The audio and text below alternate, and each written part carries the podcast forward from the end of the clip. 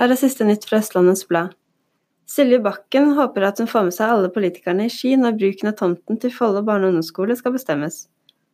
Selv håper hun på et generasjonskvartal med plass til både eldre, barn og unge, med annet studentboliger. De første tre ukene er tilbakelagt for Mohammed Ibrahim, den ferskeste kaféverten i gågata i Ski. Han har kommet godt i gang.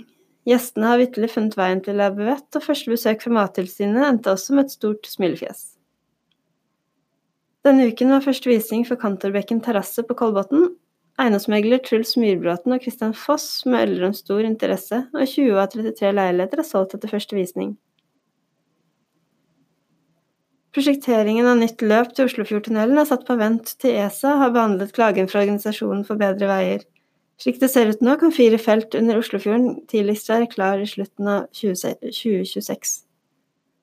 På fredag ettermiddag går startskuddet for Feiderseilasen. Seilasen kan du følge direkte på øve.no. Siste nytt fikk du av Birgitte Henriksen.